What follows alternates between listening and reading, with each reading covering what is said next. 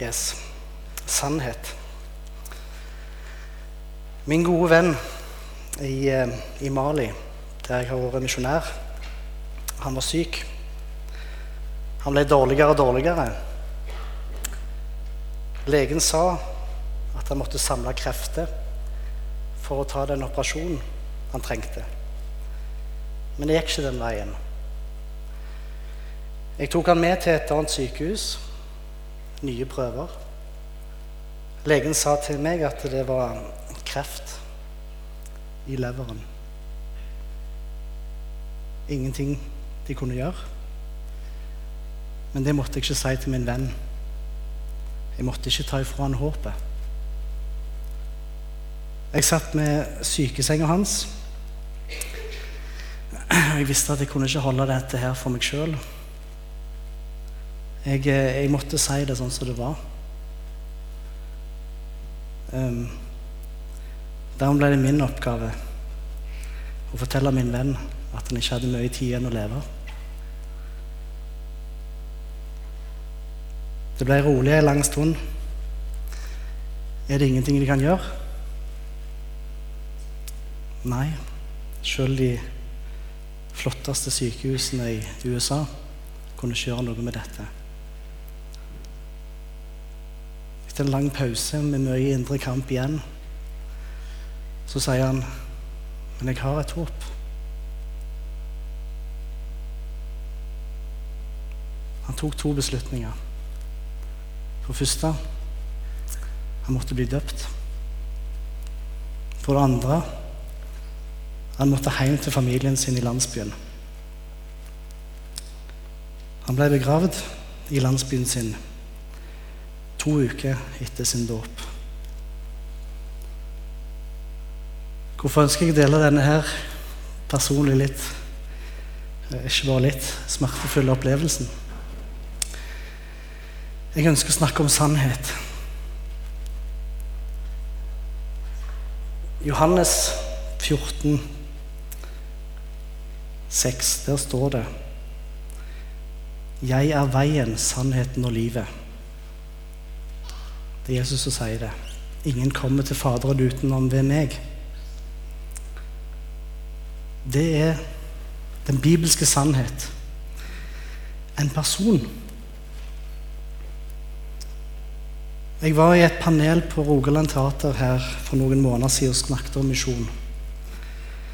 Der sa jeg at jeg trodde på en objektiv sannhet. Og at det forplikta meg til å fortelle om den til de som ikke hadde hatt sjanse til å ta stilling til den.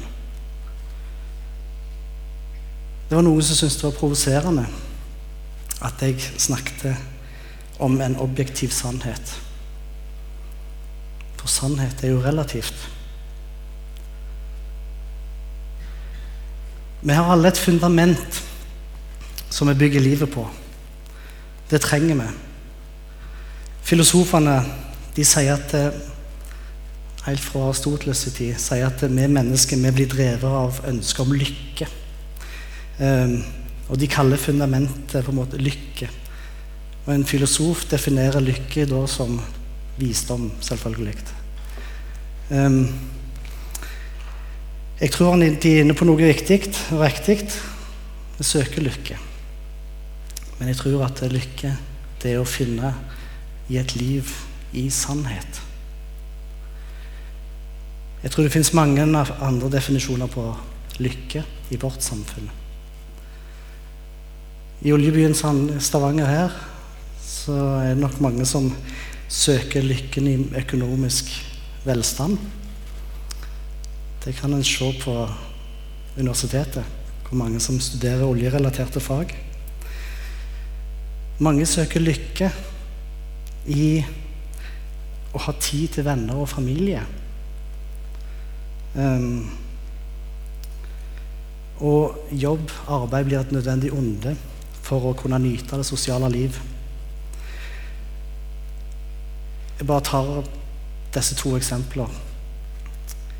Er det målet med tilværelsen, så kan det òg fort bli det som styrer vårt liv.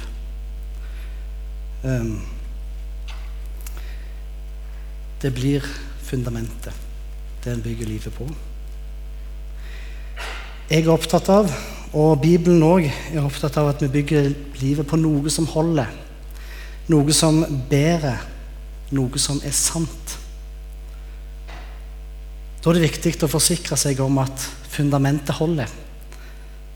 At det bringer meg gjennom livet. At det er sant. Ekte. Økonomisk velstand som drivkraft, har han det, har han ingen garanti for uh, at finansmarkedet ikke vil kollapse. Um, det er ikke trygt å basere livet på at økonomien vil vedvare. Sosiale liv. Vi vet alle hvor såre relasjonene er. Både til foreldre og venner. Vi vet hvor mye helse kan gjøre for et sånt fundament. Det er et tynt grunnlag som lever, henger en tynn tråd. Um, de blir konstruerte, og dermed falske verdier som vi bygger livet på. Sannhet. Ingen ønsker å bygge livet sitt på ei løgn. Relativismen, at alt er relativt tar bort ethvert grunnlag og erstatte fundamentet med nokså tåkete, objektiv sannhet om at alt kan være sant. Det klarer ikke jeg. Kan ikke jeg forholde meg til. Bibelen snakker om to menn som skulle bygge sine hus. Dere kjenner til, sikkert til denne fortellingen en del av dere. Han valgte, ene valgte å bygge huset på sand. Han andre valgte å bygge huset sitt på fjell. Vinden kom, vannet kom og prøvde seg på husene, utfordra dem. Um, det var kun ett som sto igjen. Det som hadde blitt bygd på fjell. Det sto imot naturkreftene. Det bildet taler om fundamentet som man velger å bygge livet sitt på. Det er viktig å tenke over dette for eget liv. Hva bygger jeg livet mitt på? For det er ikke likegyldig. Noe er sant og ekte, mens andre fundament er falske. Sånn er det òg for det liv vi lever. Det er ikke samme det hvordan en oppfører seg, hvordan en ter seg i livet. Det fins lover og regler. Det fins instrukser, det fins moral. Det fins konsekvenser for våre handlinger. Det er ikke samme det hvordan en velger å leve livet sitt. Det må finnes en sannhet. Det må finnes en lov eller noen regler for vår tilværelse. Min samvittighet sier det, eh, og min fornuft sier det, at det, det må være noe. Og det er vel ikke uten grunn at en har fått menneskerettighetene som en overbevisning om at det er noe som gjelder alle. Teologien kaller dette her for den allmenne åpenbaring. Bibelen sier det i uh, Romerne 2,15. Der sier Bibelen Den gjerning som loven krever, er skrevet i deres hjerter. Om det vitner også deres samvittighet og deres tanker, som innbyrdes anklager dem eller også forsvarer dem.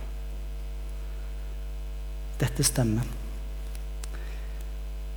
Det er ikke bare kristne som kan gjøre gode gjerninger virke gode.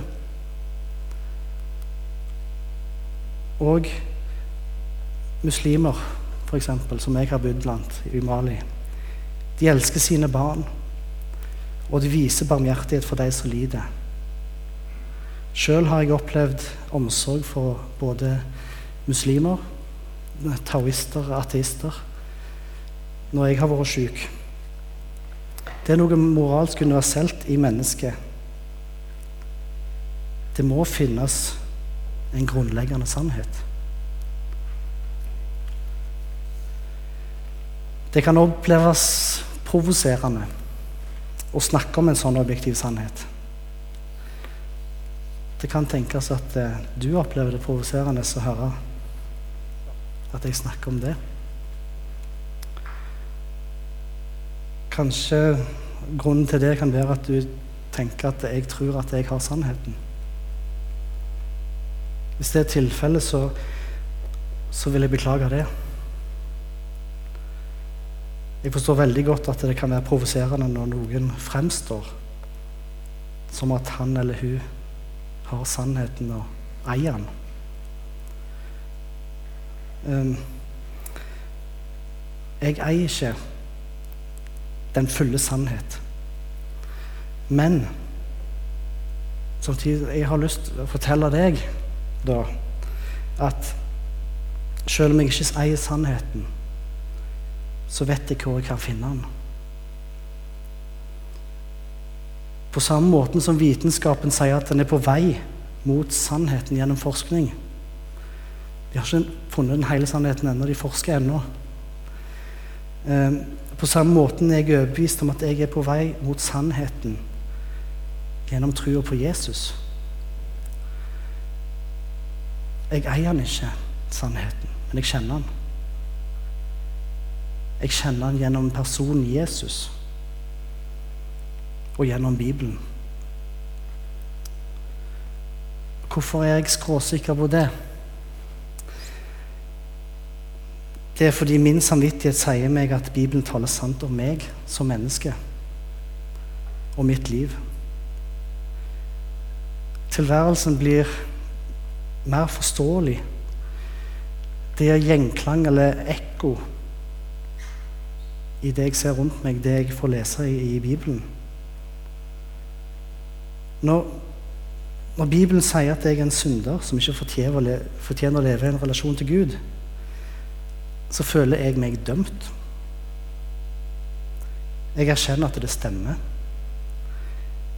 Jeg gjør ikke det gode mot min neste. Um, jeg kjenner at jeg har en vilje som er veldig egoistisk som er nytelsesorientert. Han fordømmer meg ikke som menneske, Bibelen. Men han dømmer meg. Han fordømmer meg ikke som menneske, for han møter meg med noe som er sant. Um, jeg ser han taler sant om meg. Og jeg opplever ikke at Bibelen fordømmer meg. For han gir meg en mulighet. Han gir meg en vei å gå. Han viser meg en mulighet til tilgivelse. Ikke basert på prestasjoner, fordi det vet jeg sjøl at jeg ikke ville klart. Han gir meg muligheten til tilgivelse og blanke ark overfor mine medmennesker og overfor Gud. Bibelen fordømmer meg ikke, men han inviterer meg. Den inviterer meg til å leve et liv i sannhet. Og Bibelen gir et ærlig og usminka bilde um, av meg sjøl og den verden jeg lever i. Det gir meg et perspektiv på verden som gir mening. Og jeg kan med hånda på hjertet si at jeg ennå ikke har funnet noe i Bibelen som motsier denne virkeligheten. Det kan være mange ting som er vanskelig å forstå, ja. Det er mange ting som kan være vanskelig å akseptere. Men grunnen til at det er vanskelig, er at jeg sjøl ikke kjenner hele sannheten. Men jeg har, jeg har tillit, og jeg har en begrunna tillit til det som står i Bibelen.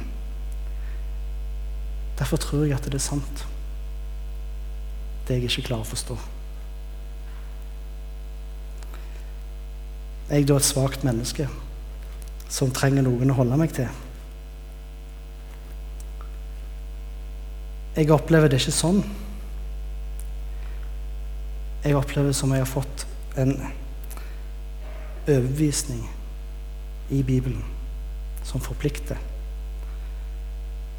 Mange opplever et sånt møte med Guds ord. Og noen må betale dyrt for denne samme overbevisningen. Mange av de jeg ble kjent med i Mali, de måtte betale, eller hadde betalt, en dyr pris for denne overbevisningen. Og det er ennå mange som blir drept pga. denne overbevisningen.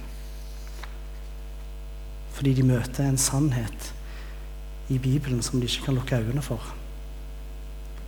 De erkjenner en sannhet som de ikke kan snu seg, snu ryggen til lenger. Derfor er ikke denne erkjennelsen eller tro det er virkelighetsflukt. For det føles ikke bare godt å lære sannheten å kjenne. Sannhet er alvor. Han er seriøs. Eh, han er objektiv. Den avslører noe godt og vondt. Som jeg sa, så avslører han min synd og min utilstrekkelighet. Det krever mot å møte denne sannheten om seg sjøl. Min venn han måtte forholde seg til en sannhet som var smertefull og vanskelig å forholde seg til. Han fikk høre at han var døende. Legen ville ikke at han skulle få høre det budskapet. De ønska at han skulle leve resten av livet sitt med et håp om å bli frisk. De pakka inn sannheten og sa at nå skal du vente til du får krefter nok til å ta en operasjon som du trenger. De ga han håp, men det var et falskt håp. Det var et håp som ikke var fundert på sannhet. Jeg kunne ikke akseptere det. Jeg mente at han trengte sannheten. Og jeg knuste på mange måter det håpet som han bar om legedom. Men han hadde hatt håp til noe som var så mye større. Og dette håpet hadde han fordi han kjente sannheten, veien og livet. Han hadde et håp som han hadde møtt i møte med sannheten sjøl. Jesus sa til fariseerne at eh, dere skal kjenne sannheten, og sannheten skal frigjøre dere. Han talte om sannheten om vår natur, men også om sannheten om vår mulighet til å ta imot frelsen. Derfor kan sannhet sette oss fri for de vi kommer ut av det Bibelen kaller for trelldommen for vår natur. Og vi blir satt fri på grunn av den nåde det er å få ta imot frelse ufortjent. Bare fordi han elsker oss. Og det hadde min venn fått opplevd. Derfor tok han òg en pause under dåpshandlingen når han ble døpt. For han hadde et ønske om å be personlig bønn. I den bønnen sa han at det ikke var bare livet sitt, sin vilje, sin tru, han ønsker å gi til Jesus. Han ønsker å legge sin død i Jesu hender. Jeg har aldri opplevd et sterkere uttrykk for trygghet. Tryggheten det er å ta imot Jesus. Han kunne legge sitt liv og sin død i Jesu hender.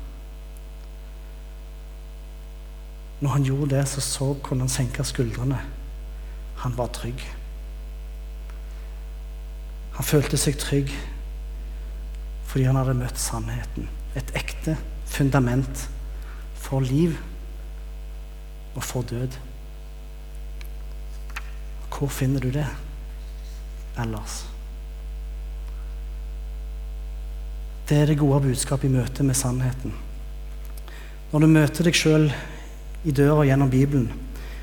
Når du merker at Bibelen dømmer deg, da kan du velge å bli sint og si at eh, Dette vil jeg ikke forholde meg til. Eh, dette vil jeg ikke tro på. Du kan si nei, det er ikke så gale. Du kan prøve å komme med innvendinger om at det må jo gå an å se på dette her på en annen måte.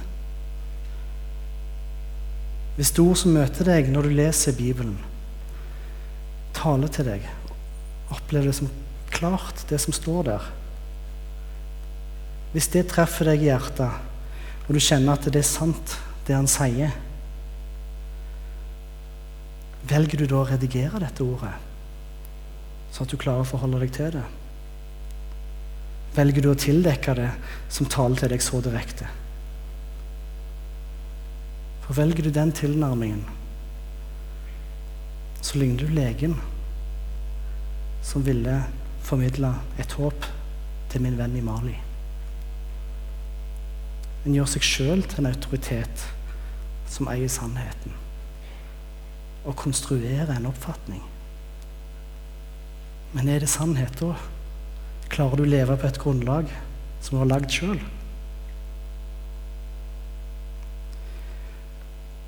Når Bibelen taler til deg, og du kjenner det er sant, til det er klart Da vil jeg anbefale at du erkjenner sannheten. Taler han sant, kan du erkjenne sannheten om ditt eget liv. Denne erkjennelsen det er, det er en gradvis ting. For det er et møte med sannheten sannheten du er på vei mot. Du eier den ikke i deg sjøl. Du må òg erkjenne at du ikke kjenner hele sannheten, men at du vet hvor han er å finne. Og at det fins en sannhet. Det er en oppriktig, rettmessig, men utrolig smertefull vei å ta. Så kan si, Ofte kan en si at en kan være lykkelig i uviten om ting og tang. Men er det lykke å leve i uvitenhet? Kan si Et falskt håp er tross alt et håp. Men det er jo det. det, er jo det. Men det er jo falskt. Det er ikke ekte. Og hvis det fins et ekte håp, er jo det noe man heller vil trakte etter. Og det er det jeg vil si til deg her i kveld. Det fins en ekte sannhet som gir håp. Og jeg ønsker å vise hvor han er å finne. Sannheten vil knuse de falske håpene. Og derfor, Det er derfor jeg sier det kan oppleves vondt å møte sannheten. Men i møte med sannheten Jesus så vil du møte en som kjenner din smerte. En oppriktig person som ikke lyver for deg, men som ønsker å heie deg fram til et frimodig liv i sannhetens frihet. Du vil få håp for evigheten. Og som min venn sa til noen ungdommer som til noen ungdommer ei uke før han døde, så sa han at jeg ønsker å gratulere dere med at dere har kommet i kjennskap til veien som fører til evig liv. Han visste han var døende. Han ønska å gratulere dem for at de hadde kommet i kjennskap til veien som fører til evig liv. Det falske håpet som legene ønska å gi han, ble knust. Men han eide et håp som var ekte. Som satt, satte han i en frihet som var så mye mer verd. Hvordan kunne han være så sikker på at uh, dette ikke var en ny løgn? Dette håp kan tross alt ikke bevises, men det kan erkjennes. Når Bibelen taler sant om mennesket, om meg sjøl, om det livet jeg lever, og det jeg observerer i verden, hvis det stemmer med historien, hvis han ikke beviselig tar feil, hvis han har stått sin prøve snart 2000 år Hvorfor skal ikke jeg tro at han taler sant om det håp som ligger foran.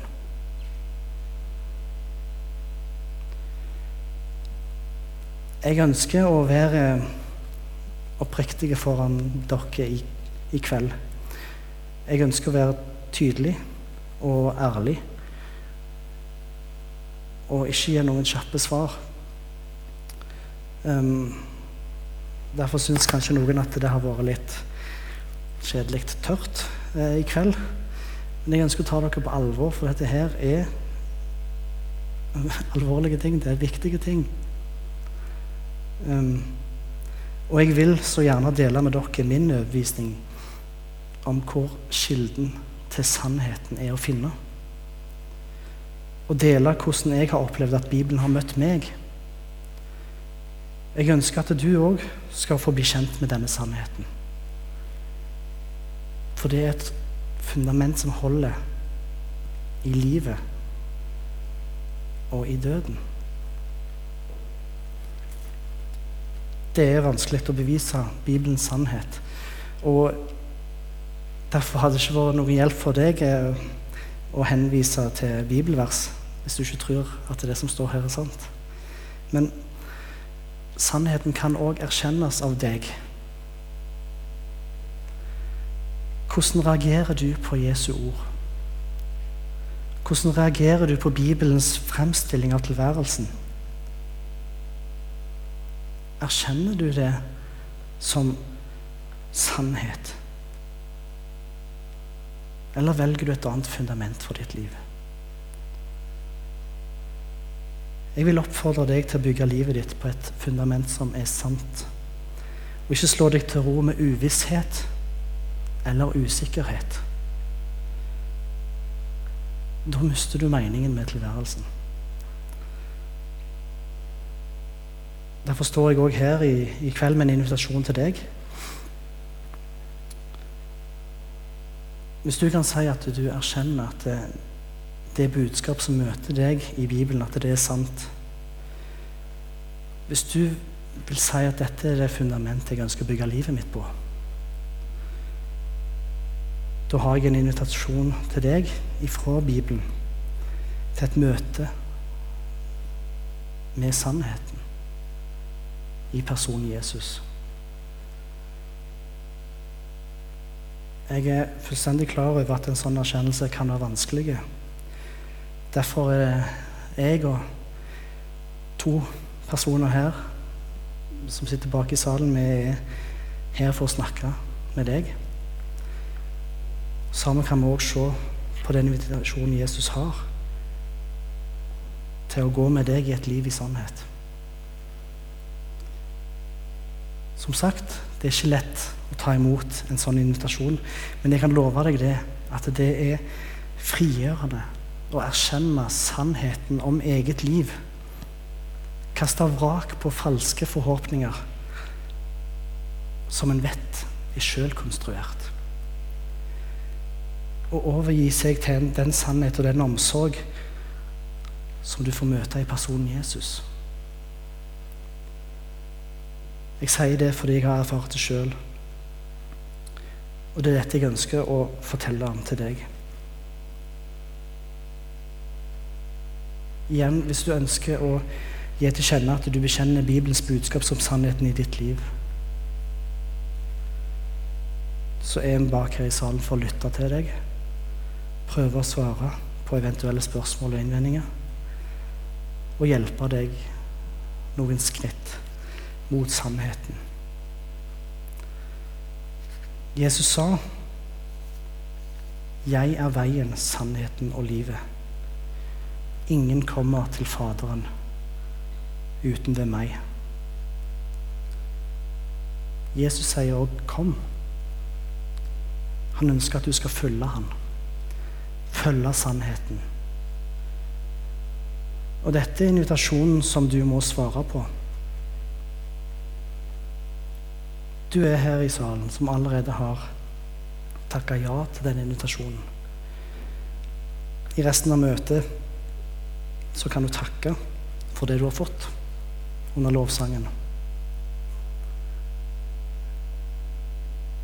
Er du her um,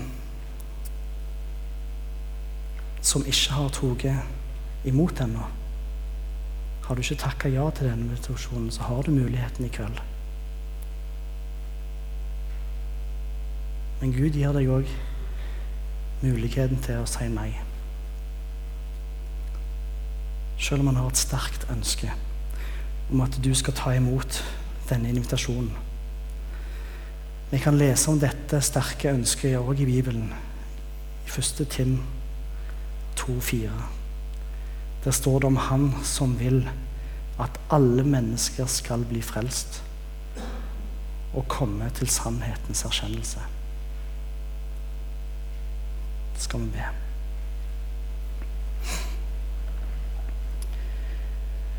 Kjære far, vi takker deg for at du taler til oss gjennom Bibelen. På den måten får han bli ledet på sannhetens vei. Og vi får et fundament som holder. I tillit og i trygghet får vi kjenne at vi får hvile på fast grunn. Far, vi ber om at våre familier og våre venner må få bli kjent med deg. Vi takker deg for den invitasjonen du gir oss til å følge deg. Og i våre hjerter gir vi deg nå våre svar på den invitasjonen.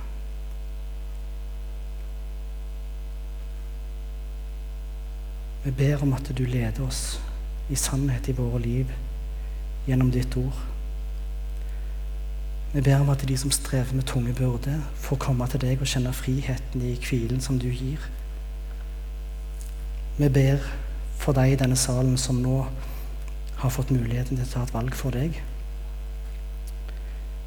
Vi ber om at beslutningen ikke blir utsatt, for vi kjenner ikke morgendagen.